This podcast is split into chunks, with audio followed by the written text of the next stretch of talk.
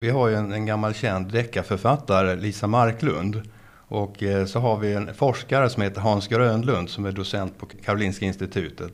Och som har forskat hela sitt eh, liv på eh, pälsdjursallergi. Och Lisa hon läste i tidningen att Hans var intervjuad där. Och då var det så att han har, hade forskat fram ett vaccin emot pälsdjursallergi. Eh, men läkemedelsindustrin var ju inte så intresserad av att ta in det här. För de säljer ju eh, symptomdämpande preparat, antihistamin. Och det är väldigt mycket pengar. Och när han hade frågat sin läkemedelskamrat om det här, vad, vad, vad, tror du? Ja, det här är största delen i vår kvartalsrapport. Så vi kommer inte vara så intresserade av ett vaccin. Mm, spännande. Och, och, då var ju han lite förargad över det och det, det var med i intervjun. Och då läste Lisa det här som är eh, grav pälsdjursallergiker och tyckte tusan att det här inte kan komma fram. Jag tar kontakt med Hans och så försöker vi göra någonting åt det här.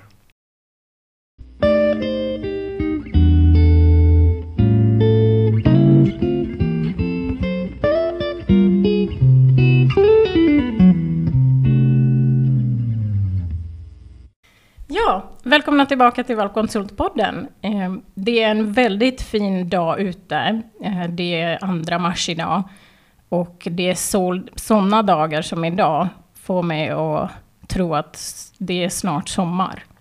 Eh, och jag har bjudit in Bo Karlsted som representerar företaget Meditech. Och vi ska prata om deras produkt som heter Allergenius. Eh, som det låter så är det någonting som är genialiskt och mot, eller för allergi, eller hur? Det känns som allergi och sen genius. Så det måste ha någonting med allergier att göra. Och eftersom det här handlar om hundar, podden, så handlar det här om också en test. Och man kan testa sig. Vilken allergen är man allergisk mot? Och det här ska vi prata om nu ett tag, jag och Bo. Välkommen Bo! Tackar, tackar! Jag får korrigera det lite där. Ja. Eh, det stämmer långt att eh, Genius är det vi tycker att vi håller på med. Och eh, allergen är ju delen i namnet. Så allergen är ju det som allergiker reagerar emot. Ja, vad kul att du förtydligade det. Precis, så det är den lilla biten av saken som vi är allergiska mot, eller hur? Ja, precis. Det är allergenen som är boven i dramat så att säga. Och det är det som är nyckeln till hur man kan hantera det här. Mm. Och jag, jag har kommit på er företag på det här viset att jag hade en osteopat eh, som jag gick till och så frågade hon vad jag håller på med och så sa jag att jag var veterinär en gång i tiden men att jag gör inte det längre men att jag håller på med podden.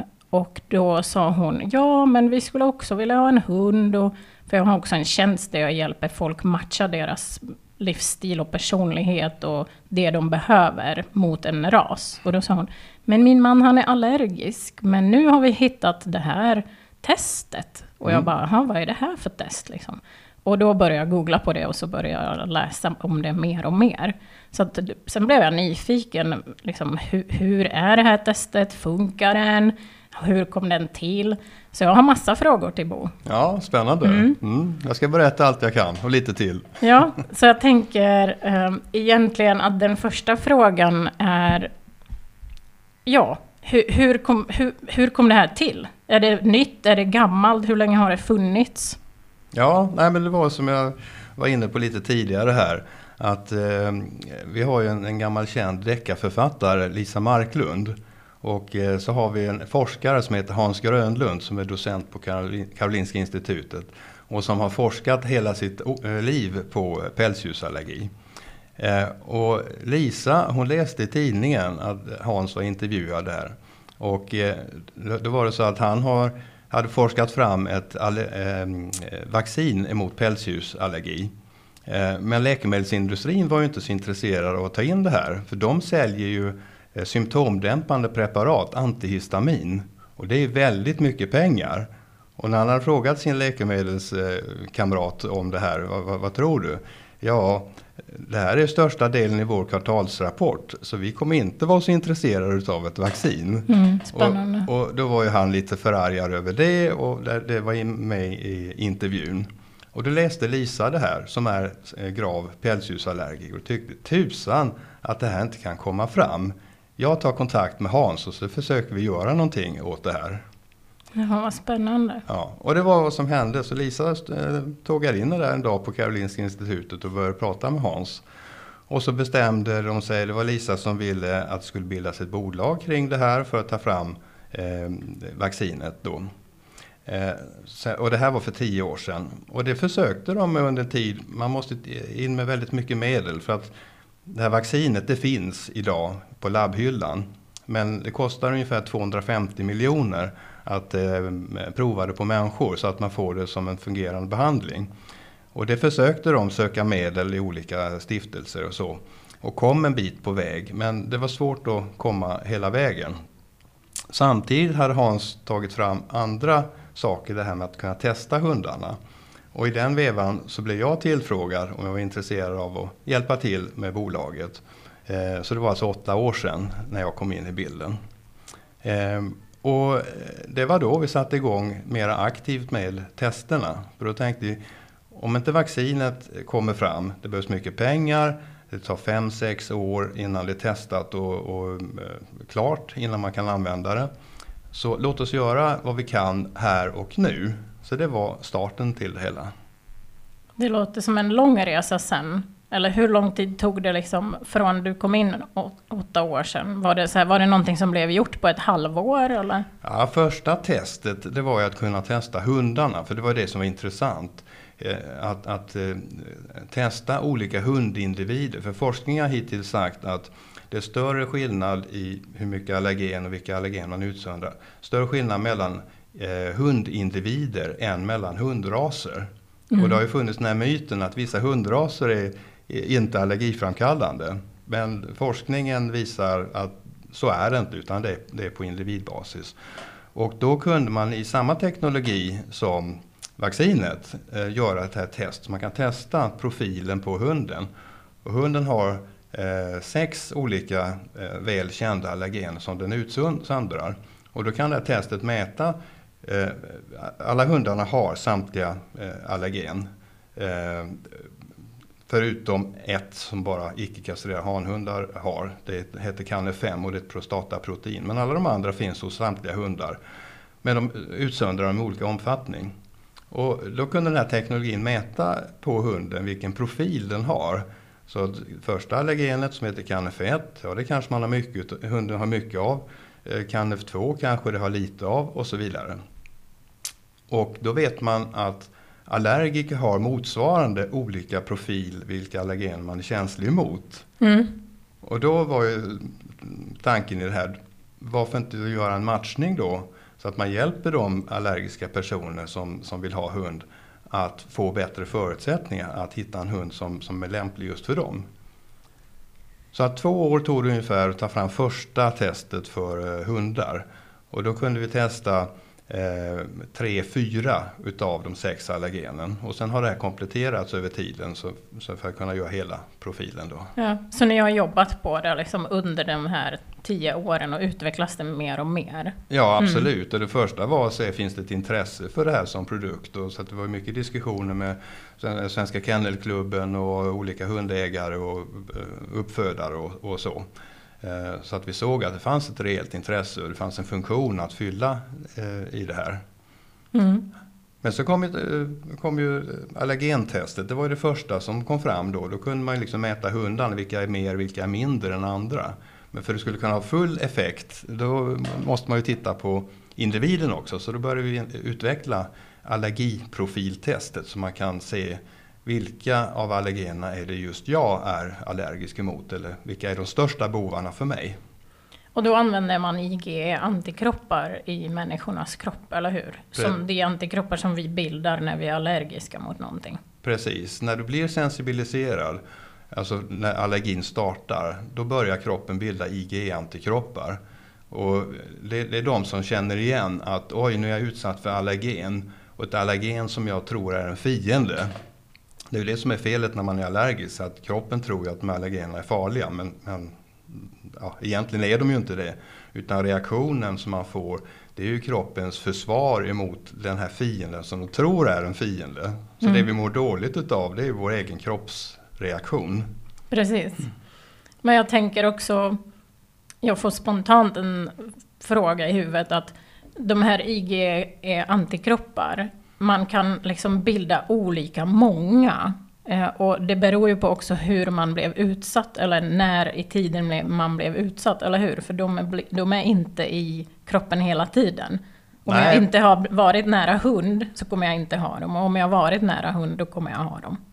Ja precis, men så är det. För grund, det, saken är ju att du, att du har blivit allergisk. Och eh, att du blir sensibiliserad, det blir du ofta någon gång under uppväxten. Mm. Och allergi är ju ärftligt, så att ofta har du haft någon eller flera föräldrar som också haft allergi. Och, och ja, och sen när du utsätts då så, så, så blir du sensibiliserad.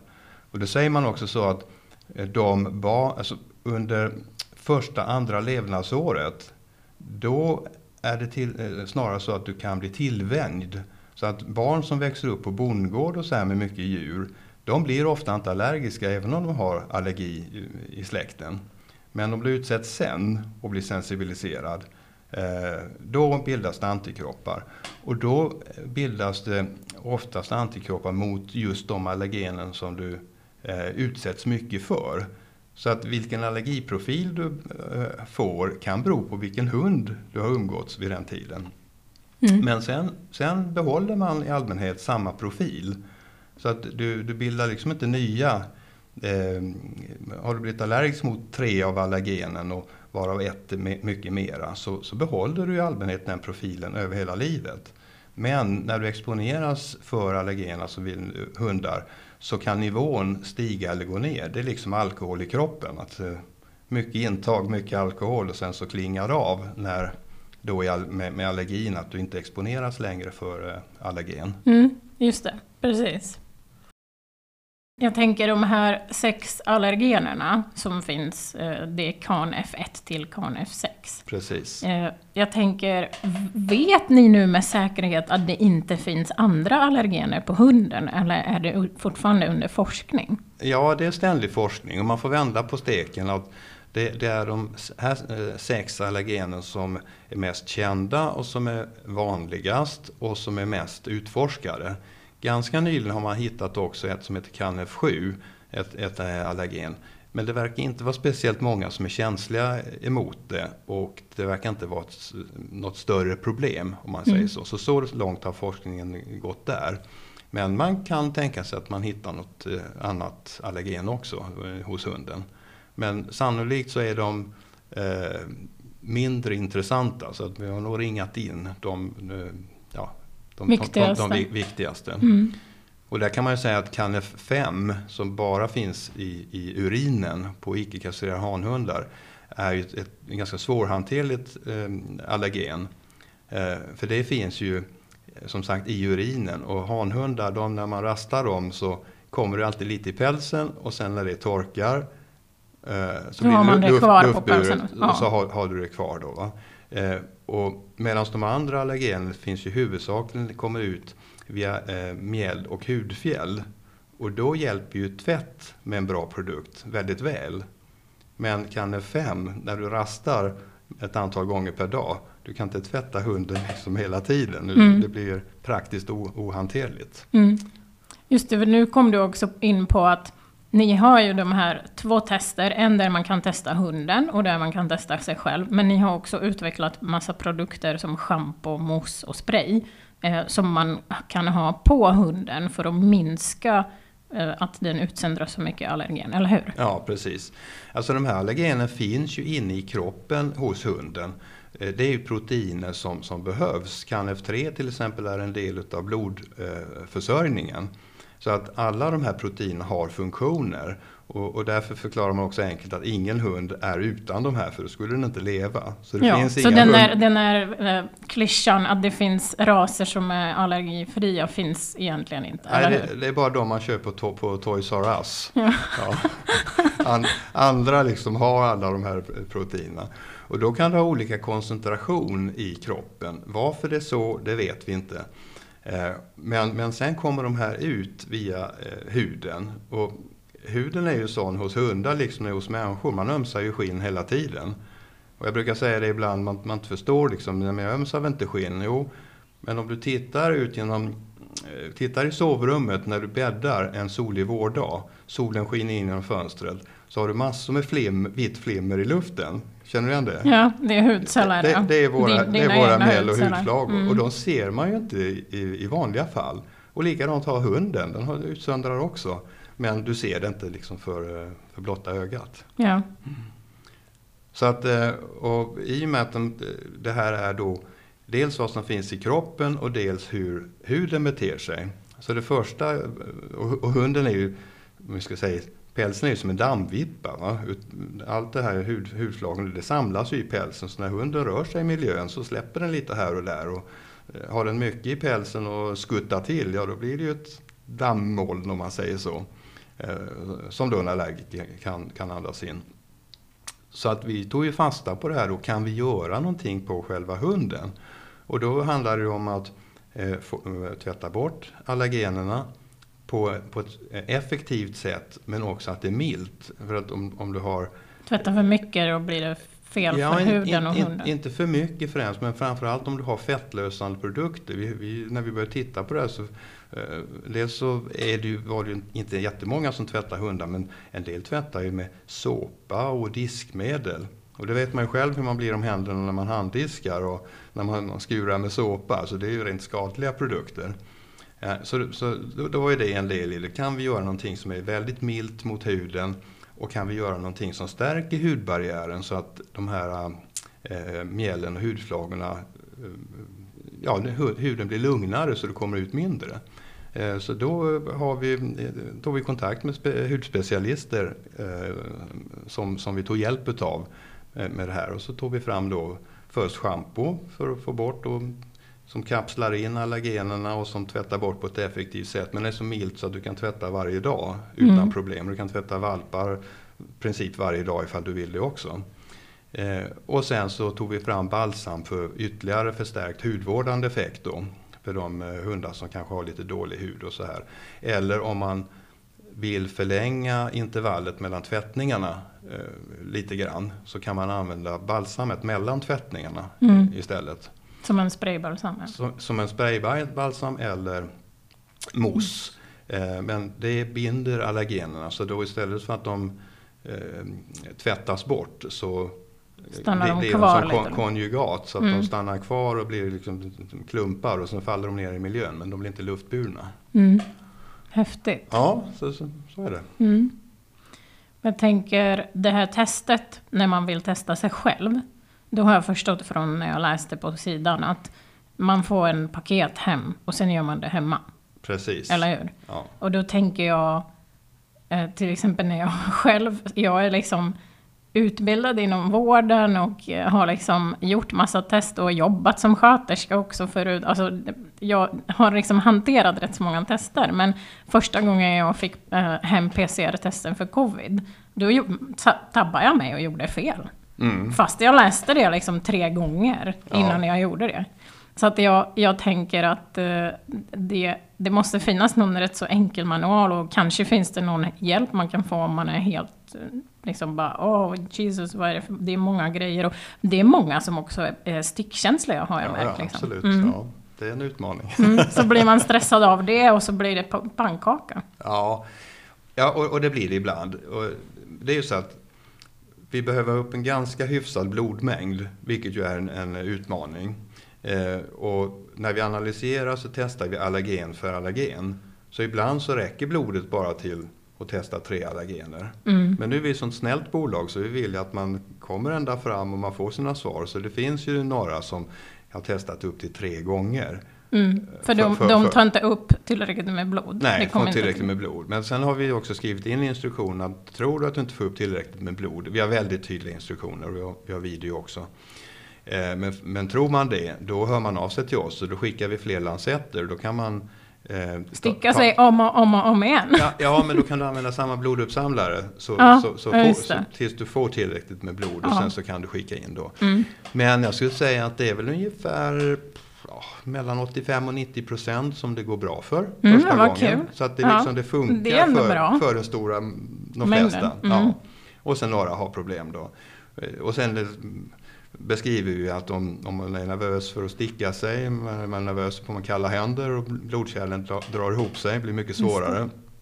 Så att då kan det vara bra att ta en dusch innan, lite ja, varmt. Ska säga, lägga sig i varma badet och sen komma ut och sticka? Ja, och, och klä sig varmt och försöka ta i lugn och ro. Och sen att man inte sticker sig själv utan att man låter någon annan göra det som in... Att man tittar bort lite grann en liten stund och sen, eller hur? För då Precis. vet man inte ens att man blir stucken Nej, när man blir annars, stucken. annars så rycker du till och sen så, ja, så blir det inte så bra då. Mm. Ja. Mm. Jo, nej men så, och, och, det var ju det vi ville åstadkomma. Vi ville åstadkomma en produkt som eh, man bara kan skicka hem och som är enkel för en själv att, att göra. Så man inte behöver boka tid på vårdcentral och liksom mer avancerat. Så, Just det. så att eh, det funkar förvånansvärt bra. Och det är också pålitligt det här att man skickar det med posten och så att man liksom, det, det går bra. Den har ingen så här, att den är väldigt känslig för väder eller något sånt. Nej, det, det, är bra faktiskt med just de här proteinerna som, som vi mäter. De är väldigt stabila. Mm. Så att de, de, klarar både temperatur och ja, kyla klarar allting. Vi, vi fryser ju ner det själva när det kommer in på laboratoriet. Ja, det är oftast hålla... högre temperaturer som är problemet. Som är dåligt, mm. ja. ja. Nej, så det, det, är också en sak i konceptet som att, att proteinerna är så tåliga gör att vi kan hantera det på det här sättet. Då. Mm. Vad kul! Och då, då har den här frågan med falsk positiv och falsk negativ kommer upp här i, i mitt huvud. Att det är så alltid med alla tester, liksom att man tänker, ja men hur, vadå, om jag är sjuk och sen är jag inte det, eller om jag inte är sjuk och så visar det att jag är sjuk. Och nu är det här inte att vi är sjuka, det bara mäter IG-antikroppar, mm. testet. Men jag tänker, hur, hur, hur, hur, har, du, har ni testat det och hur, vad säger det mig liksom om jag får ett svar att ja, du hade skyhöga CAN F3? Eh, är det verkligen pålitligt? Vet jag då att ja, men då är jag allergisk till den här CAN F3 och då kan jag inte skaffa en hund som har hög CAN F3? Absolut. Nej men det är så, det är, det är väldigt, eh, mäter väldigt tillförlitligt mängden eh, eh, ja, IG-antikroppar i det här fallet då. Och eh, eh, en del undrar ju om de får ett eh, svar med låga nivåer. Kanske säger, ja men var det lite blod i? Nej, det, alltså, är det för lite blod då blir det inget svar. svar ja, och vi det har ju, test. Nej, men vi har ju, man har ju kontroller i, inbyggt i systemet då. Så att är det för lite så kanske vi kan testa ett eller två eller tre allergen och då, då får man de svaren. Men det är inte så att man får dåligt svar utan ja. det, det, är väldigt exakt. Sen är det ju så med allergi att Eh, ett eh, visst svar betyder inte exakt samma sak för varje människa. För att eh, allergi är ju individuellt. så att de flesta så följer mängden IgE-antikroppar väldigt tydligt. Alltså lägre nivåer, mindre risk för reaktion, högre nivåer, högre risk för reaktioner. Men sen finns det i utkanten i liksom den här normalfördelningen en del som kan ha ganska höga nivåer och som eh, klarar... Eh, Träffa en hund? Ja, klarar ganska bra. Och så finns det de som har låga nivåer och som är ganska känsliga. Ja. Så att man måste liksom ta in den personliga eh, delen i det. Och lite när man vänder sig till, till oss så är, så är det också så att man, man bör ha träffat ett antal hundar eh, innan och känt att ja, men jag klarar de flesta hundar men vissa klarar inte. Ja, men då vet man då. Då vill vi ju liksom testa så att man ska få ett redskap att eh, kunna välja bort hundar som, som, är, ja, som är de som man då inte skulle tåla. Eh, tål man ingen hund alls, eh, då säger jag då är det inte så meningsfullt att testa för att då, då, då tål du ingen hund alls. Ja, ja nu och, jag förstår det. Och tål du alla hundar utan problem, ja då har du förmodligen inga antikroppar. Så att, eh, då behöver du heller inte testa. Mm. Så det är mest lämpligt för personer som ligger i någon zon där de träffar vissa hundar och inte reagerar och träffar andra hundar och reagerar. Exakt. Inte om man säger vilken hund jag ens träffar på så får jag superreaktion. Då är det inte så intressant för då, då är du förmodligen allergisk. Då bör man uh, avhålla sig. Ja. ja. Mm. Spännande. Men och det är också frågan kring... Ja, du, du frågade också om, om jag ska liksom bocka av här. Eh, risk för fel. Nu pratade vi om IG-testet. Det är ju väldigt tydligt. Och det, antingen får du svar eller får du inte svar. Eh, sen när, när du testar på hundarna.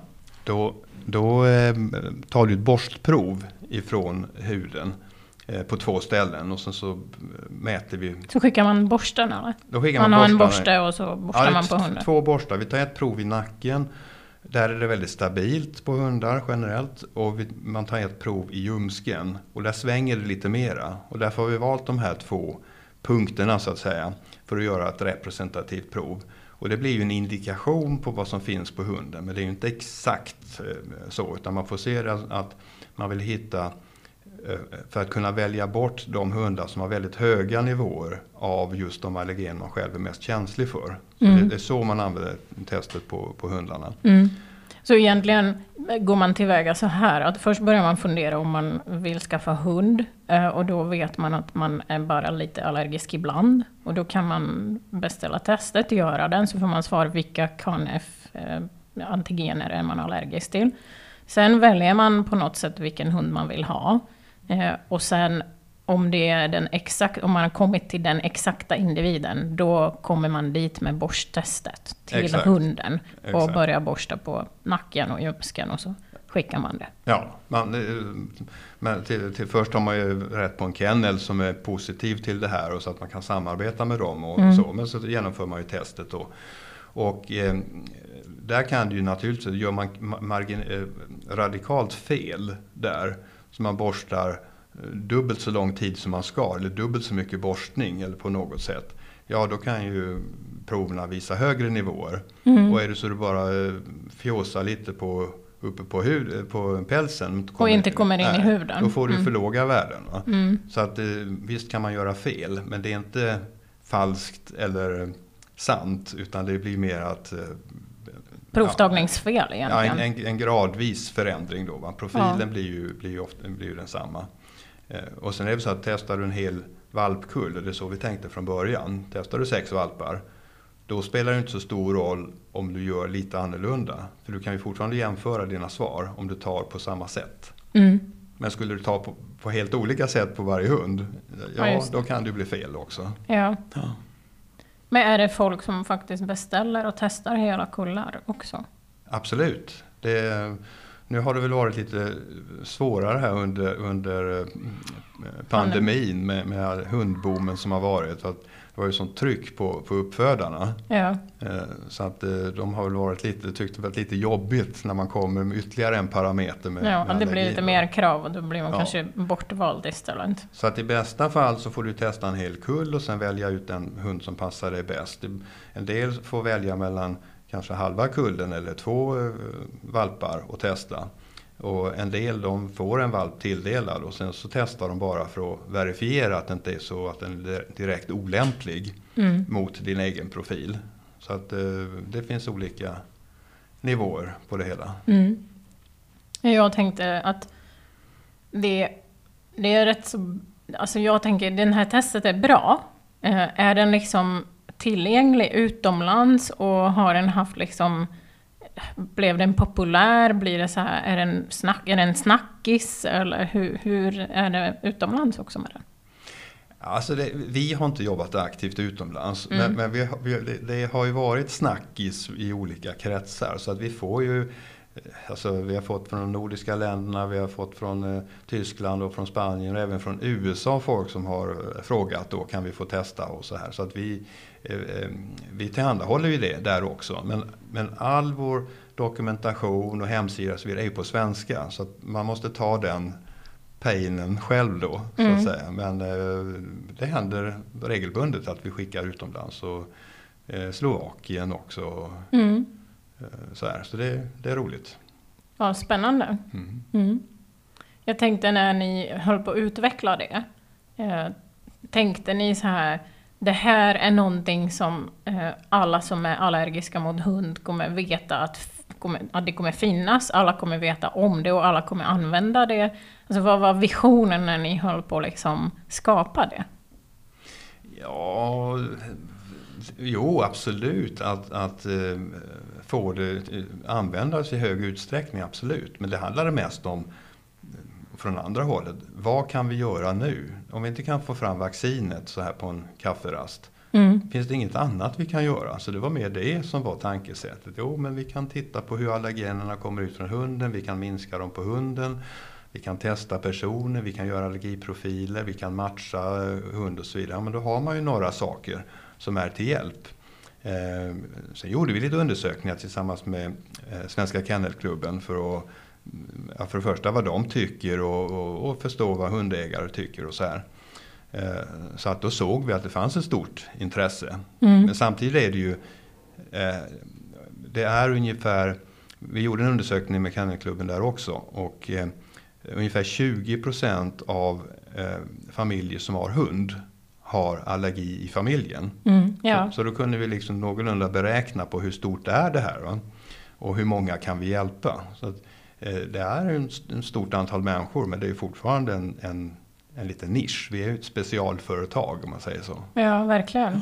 Men de är väldigt glada de som kommer till oss och får hjälp. Så ja, det kan jag tänka mig. För de, det är många som vill ha hund som är allergiska. Och, och så har de alltid bara sagt, nej det går inte liksom, jag är allergisk. Ja, absolut. Så nu finns det någonting som gör att de kan egentligen skaffa hund, de som i alla fall inte är allergiska mot alla de här allergenerna. Nej, precis, då blir det ju svårare. Men, men schampot och balsam och det här hjälper ju fortfarande. Och sen är det ju så att får du veta att jag är allergisk mot samtliga allergener och i den här eh, nivån, eh, då har du någonting att förhålla dig till. Då vet du att det är på det sättet.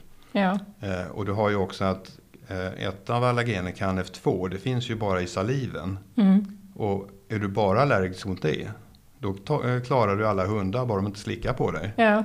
Och tar du KNF5, får man veta att man bara är KNF5-allergiker, ja, då tål man ju alla tikar. Precis. Och vi har ju personer som har kommit till oss och sagt att och testat och fått veta det här och skaffat hund sen. Eh, och sagt, här har jag gått 20 år och trott att jag inte kunde ha hund. Och så gick det bra bara jag valde en tik. Ja. Eh, det är ju, då är det ju en fantastisk lycka. I, i familjen. Verkligen. Ja. Mm. Tycker du att vi borde prata om någonting som vi inte tog upp? Ja, vad hade vi här?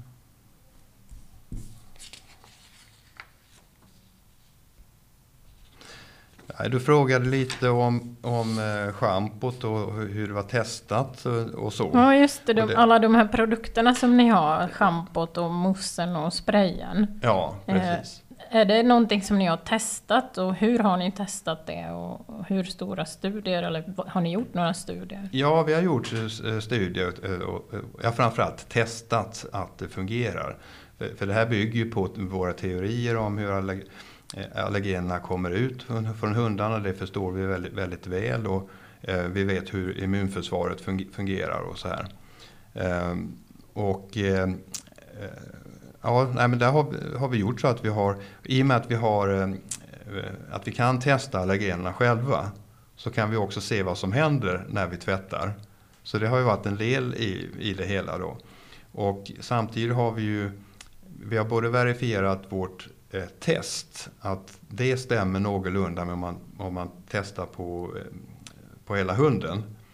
Eh, eftersom vi testar på par representativa ytor ja. så vill vi ju se, är det representativt för hela hunden? Och då har vi gjort så att då har vi ju tvättat ur all allergen på hela hundar. Och sen tar man det vattnet eh, och extraherar bort vilka proteiner som kommer i. Alltså i en stor balja så att säga samlar man upp eh, vattnet då. Och till sist har man kvar vilken mängd allergen fanns det på just den här hunden. Och så har vi tittat med, när vi gör samma med testerna och då har vi fått ganska bra mm. Eh, korrelation som man säger mellan det här. Och därför kan vi använda borsttesterna. Och eh, motsvarande har vi gjort när vi har eh, tvättat då hundar. Så har vi tittat på eh, hur mycket allergen har hunden när den är otvättad. Och hur mycket har den eh, direkt efter tvätt. Och sen har vi tittat på hur fort kommer allergenerna tillbaka igen. Eh, och även har vi tittat på, på balsamets effekter då. Coolt. Och, och tvätt på, på hunden, eh, då gjorde vi en studie, den har vi på hemsidan. Då hade vi 21 stycken eh, olika hundar och det var 53 tvättningar. Och då visade det sig att eh, i snitt så försvann 85 procent av allergenen och i några fall mer än 97 procent. Wow. så, så, direkt efter tvätt så hade man i princip en icke allergiframkallande hund. Ja, och sen tar det någon viss tid när, ja. man, när man börjar ha det på kroppen igen. Eller hur? När hunden börjar ha det på kroppen igen. Ja, den börjar utsöndra sekund ett egentligen. Ja, såklart. Ja, eftersom det är hudavlagring och så vidare. Men, men eh, vi kunde mäta att efter ungefär en vecka så är det ganska höga nivåer eh, igen. Uh, inte, inte max, men då, då är det ganska höga nivåer. Och det är därför vi har rekommenderat också att man tvättar ungefär en, en gång i veckan eller varannan Två. vecka. Ja, för, varannan. För, mm. ja, för att få ner snittet så att säga. Mm. Sen vet vi, har vi de, vi har till exempel eh, Ann Edner, läkaren med vårdhunden Livia. Hon tvättar ju inför varje eh, sjukhusbesök. Och det var ju var, var tredje dag, så den hunden tvättades ju i flera år var tredje dag. Och hon, hon höll ju koll på hunden och undersökte den och hudkvalitet och allting sånt där. Och det fungerade ju perfekt. Vad kul. Mm. Men det var en frisk hund, eller hur? Den var liksom, hunden var frisk i huden från början. Absolut. För jag kan tänka mig att det kan börja bli lite halvkomplicerat när man har en hund som är själv allergiker och har hudproblem. Eh, och måste ha massa preparat och massa saker som man också schamponerar och sprayar och så, så kan det bli annorlunda. Men friska hundar har ingen problem med att bli tvättade egentligen oftare än ni rekommenderar då? Nej, alltså om du använder vårt schampo eller en bra produkt. Vi, vi, kan, vi har ju inte gjort några jämförande tester för det skulle, skulle ha, ha flera tusen hundar och tvätta lång tid. Det, ja. det är helt ogörligt. Utan vi har ju fokuserat på att testa att våra produkter gör vad de ska på hunden. Eh, och sen finns det ju massor med produkter ute. En, en del produkter är säkert ganska bra. Eh, inte lika bra som vår, fokuserat på att få bort allergenerna. Mm. Men fungerar säkert också relativt bra så att säga. Mm. Medan andra är ju direkt skadliga. Skulle man också kunna säga att om jag har testat hunden och den hade väldigt hög mängd av den här allergenen på sig, att den kanske ska tvättas lite oftare än en som hade mindre mängd? Eller är det bara, liksom, kan det också bero på när jag har borstat på hunden? Hur jag har borstat på hunden? Liksom att det inte riktigt spelar så mycket roll? Ja, men om, om, om, om du eh, får en, en förbättrad hud, en förstärkt hudbarriär, vilket man i många fall får med våra produkter, då kommer den ju successivt minska, åtminstone till viss del, allergen utsöndringen. Mm. Men blir hunden sjuk eller den mår dåligt eller någonting, om hunden får seborré, mm. då kan det bli otroligt allergiframkallande för då fjällar den ju hela tiden. Mm. Men det kan man ju inte liksom avhjälpa med en yttre produkt så då, då är hunden sjuk. Ja. Eh, men, men så fungerar ju mekanismen och det finns ju de som hör av sig till oss också som säger att vår hund har blivit jätte, vi, vi reagerar jättemycket på den nu helt plötsligt. Ja, hur mår huden då? Ja, fjällar jättemycket nu, det är något, eh, han har fått seborré. Mm. Ja, men då är det det, då måste ni liksom eh, åtgärda, åtgärda det först. Exakt. Mm. Ja. Mm. Spännande. Jag hade gärna velat liksom, jag är inte allergisk såklart. Eh, men, vad, skönt. Ja. Men jag hade gärna velat se det testet liksom i verkligheten. Just för att jag tänker liksom att det här med att folk kan vara lite rädda. Eh, att när man börjar ta på saker, det är min, det är min upplevelse från när folk liksom får möjlighet att bekanta sig med det som man är rädd för, så blir mm. man oftast mindre rädd för det. Liksom. Mm. Mm. Nej, men det är klart, det är inte så kul att sticka sig i fingret, tycker inte jag heller. Men, mm. men jag är blodgivare, jag ger blod tre, fyra gånger om året. Och man, man vänjer sig ju. Ja, det är, som, det, det är så det är när man är rädd för någonting, även om man inte är rädd för någonting, att ju mer man gör det, ju, ju mer man utsätter sig för det man in, inte tycker är så kul, så vänjer man sig med det. Så blir, blir det lättare att göra. Ja, och därför är det ju några som får testa sig två, tre gånger mm. innan det blir ett bra resultat. Mm. Men, men eh, de flesta klarar av det från mm. början. De har någon i familjen som är tillräckligt, tillräckligt eh, elak för att trycka till ordentligt. Just det. Eh, jag hade en, en, en chef en gång som eh, testade på sköterskorna när de eh, sökte. Eh, så när de liksom började på jobbet så fick de uh, få såna stap stapla på huden. Hon, okay. hon satte ihop en stapel på dem på huden. Det var sympatiskt. Uh, ja, det gjorde hon på oss också. Uh, med, för, det, för att de ska känna, för det, det, det gör inte så ont faktiskt. för vi kan stapla hundarna ibland liksom, i vaket tillstånd mm. om det behövs. Eh, och då, då är vissa sköterskor blir bara så här, ah, vad gör ni, vad gör ni? Mm. Eh, och då, då var det här som ett test för dem att förstå att det inte är så farligt att stapla på någon i vaket tillstånd. Ja, just det. Mm. Just det. Mm. ja, men eh, jag, jag, jag, är imponerad och jag tycker det är jättekul att det finns en test som kommer från Sverige. Och det är därför också jag frågar om den här ut, utomlandsspridningen. Liksom, för att det känns som att det borde få mer sprida sig liksom. Ni, ni kanske inte har satt jo, upp... Jo, men vi har tittat på det och det, det kanske kommer så småningom. Men en, en begränsning är ju att det här är prover man måste ta hemma och de ska skickas in till, till vårt laboratorie eh, för analys. Då. Blodproverna, ja man kanske skulle kunna göra det i högre utsträckning. Men på hundarna är det dessutom tidsfaktorn eftersom det ofta är i samband med hundköp eller valpköp. Och då måste det. det gå snabbt. Ja. Så att vi har liksom lite logistikutmaningar. Så, så min eh, önskan det är ju att utveckla ett, eh, även för hundtestet, någonting som du kan ta hemma på hunden och få svar med en gång. Just det. Och även på profilerna, men de är inte lika bråttom. Så, men, men det förenklar ju det hela. Just det, så, så att man slipper den här fraktet och man slipper vänta på labbsvar för att man kan få någon slags hum hemma. Ja, och, mm. och, och, det är så också att det här görs i någonting som heter ELISA, den här eh, tekniken. Och jag, jag brukar säga det, det är som att baka bullar. Man gräddar inte en bulle i taget. Utan man, man gör en hel bakplåt. Mm. Så att vi gör ju de här analyserna varannan vecka. Eh, kommer man in precis i rätt tid, ja då får man svar ganska snabbt. Kommer man precis dagen efter vi har kört, ja då är det två veckor. Och sen transporttid för prover och, och så vidare. Så kunde man få svaret hemma direkt så är det ju väldigt smidigt. Och då är det också mycket lättare att sprida i andra länder. För då, då är det ju liksom en, en produkt mer som man, som man eh, ja, kan lagerföra på, på, i affärer och, och på, på, olika ställen. Då. Just det.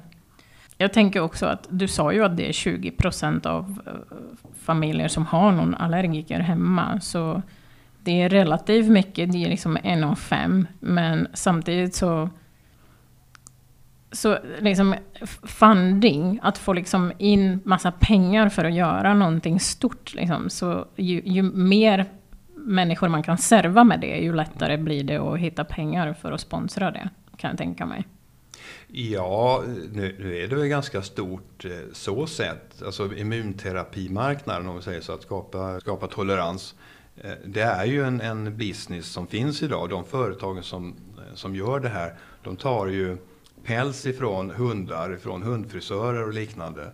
Och sen tvättar de ur de här mjällen och hudflagorna eh, för att göra reagens som man säger då, som man kan, kan använda för både pricktest och för eh, immunterapi. Men, men de här är ju så dåliga eh, av den anledningen att eh, till exempel Canef 5 som finns i urinet, det finns ju inte i pälsen i några stora mängder. Nej. Och Canef 2 som finns i saliven finns inte heller. Och vissa av de här proteinerna verkar inte tåla processerna hos de här företagen ordentligt. Så som försvinner under processen? Försvinner under processen. Och det man kvalitetssäkrar på är 1. Så man vet att det finns 1, men man vet inte hur det ser ut med de andra. För det är den som finns mest på, på pälsen? Ja det, ja det, är den man testar för så. att det finns i de här reagensen. Mm. Och vi har gjort en, en studie, eller rättare sagt på Karolinska institutet, men i, i vårt team då. Eh, och verifierat hur det ser ut med olika leverantörer av de här reagensen för immunterapi. Och visat att det är, har de här stora bristerna. Eh, och det är därför immunterapi inte är så populärt idag, för att den, just för hund, för att det, det ja, fungerar så dåligt helt enkelt. Mm. Men samtidigt så, vi är ju i det stadiet att vi har eh, tagit fram de här molekylerna eh, på syntetisk nivå, alltså med DNA-teknik. Eh, men, men därifrån till att man gjort alla tester och studier och så vidare är en lång resa, kostar mycket pengar. Och vi är ju fortfarande på det stadiet att det är väldigt hög risk. Så ska någon gå in för att tjäna pengar på det, alltså eh, med finansiering, så, så anser man att det är väldigt hög risk. Eh, och lång tid innan man kan få pengarna tillbaka. Mm. Så det är därför så nästa steg är att man måste få in på något sätt någon eh, som ja, person som är intresserad huvudsakligen av att lösa allergifrågorna snarare mm. än att tjäna mycket snabba pengar. Ja, lite som Lisa Marklund. När hon började? Ja, och hon, hon eh, har ju en del pengar men hon har inte så mycket pengar. Mm. Så att, eh, hon, 150 hon, miljoner. Ja, nej, men hon vill ju hjälpa till ja. eh, och, och, så då. Sen, eh, sen har ju eh, hon hon har ju gått en annan väg i, i livet. Hon bor ju inte i Sverige längre och så hon har ju dragit sig tillbaka. Så att Eh, hon är inte aktiv längre på, mm. på det sättet. Eh, men eh, ja, det, det, man får göra det man kan. Ja. Mm. Men jag är jätteglad att du kom och pratade med mig om produkten och om resan. Alltså hur det utvecklades och hur blev det till?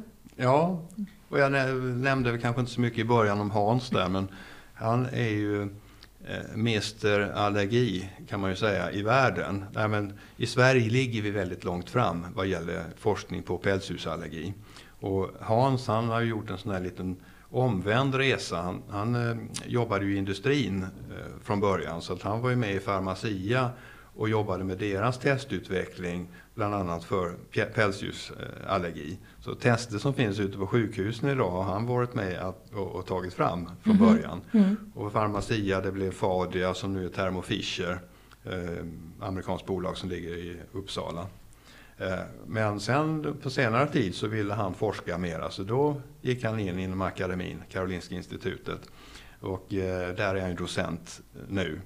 Eh, och jobbar med pälsdjursallergi men också med MS och med cancer. Så att eh, han eh, har mycket att göra och gör stor skillnad i samhället. Vad kul! Mm. Så det är en spännande värld. Roligt. Ja. ja. Jag, jag är superglad att du tackade ja när jag kontaktade dig. Och jag är superglad att jag kunde få lite mer klarhet kring testet. Och få det från första hand liksom. Det är alltid kul. Mm. Ja, nej, men det är roligt att berätta. Det, och som du märker så finns det mycket att berätta när man kommer in på det. Det är ju lite komplext område. Eh, och vi har ju försökt beskriva eh, mycket på hemsidan om hur det fungerar med allergi och ja, våra tester och alla produkter. Men också, alltså vi får ju frågor, har ju fått längs eh, åren som har gått, många olika frågor. Och då försöker vi lägga upp det på hemsidan så att man liksom kan ta del av information och, och Eh, ska man gå in i det här och, och, och försöka skaffa hund trots allergi, förstå sin allergi och, och, så här. Så fordrar det lite baskunskap. Det är inte bara att nu tar jag test och sen kan jag hund. Utan eh, det är liksom flera parametrar i det hela. Och vi får väldigt ofta förklara just de här mekanismerna, var allergenen kommer ifrån på hunden och hur de eh, kommer in i, i kroppen och så vidare. Och eh, att det finns annat man kan göra som inte hund i sängen vilket kan vara en jobbig bit för många personer. Men att man kan ha luftrenare och att man städar och man gärna har allergifilter på dammsugaren eller våttorkar istället. Det finns flera saker som gör att man minskar både allergenutsöndringen på hunden som är källan till allergenerna men också att man minskar allergenerna i miljön. För det är den kontinuerliga exponeringen som gör att man så att säga får, får eh, reaktioner eller att man Eh, immunförsvaret triggas eh, hela tiden. Ja. Så lär man sig hela eh, och gör på rätt sätt, då finns det goda förutsättningar. Ja. Och jag har inte läst, men ni har säkert en sida där alla skriver hur de blev nöjda. Absolut. Mm. Inte alla, men, men de vi får kontakt med som, som är, lägger vi upp. Så att vi har ju eh, under varje produkt i webbshoppen. Om man går ner längst ner i texten där så ligger det lite länkar. Då har vi lagt in när det varit eh, studier, så den här tvättstudien som jag pratar om finns där att läsa. Och där har vi exempel på provsvar och provtagningsinstruktion. Eh, och sen har vi kundutlåtande. Så att där har vi lagt upp ja, många som, som de har berättat vad de vad de tycker och hur det har gått och så här. Mm. Och sen har vi gjort reportage med en del familjer som har velat vara med. Många, må- det är ganska roligt för att många vill ju berätta när det har gått bra. De tycker Ja. att det här är ju fantastiskt och det här måste ju flera få veta. Och vi har ju inte massa pengar så att vi kan lägga massor på reklam och så. Det är inte, det är inte så vi gör. Utan det här får växa på, på sitt, eh, ja, mera genom eh, word of mouth. Så att Ja. säga. Att man, man berättar för varandra. Och, Kennelklubben vet ju att vi finns också. Så att, eh, Mm. Ja, men det är så jag fick eh, ta reda på det. Att liksom den här osteopaten sa, sa det till mig. ja, det då, finns ett då fungerar det ju. Ja, det funkar. Ja, det funkar. Mm. Och det är kul när det funkar, när folk blir nöjda och bara berättar för andra. Precis, Mm. precis. Mm. Mm. Tack så mycket Bo att du var här. Ja, trevligt att vara här. Solig fin dag. Ja, Mm. verkligen.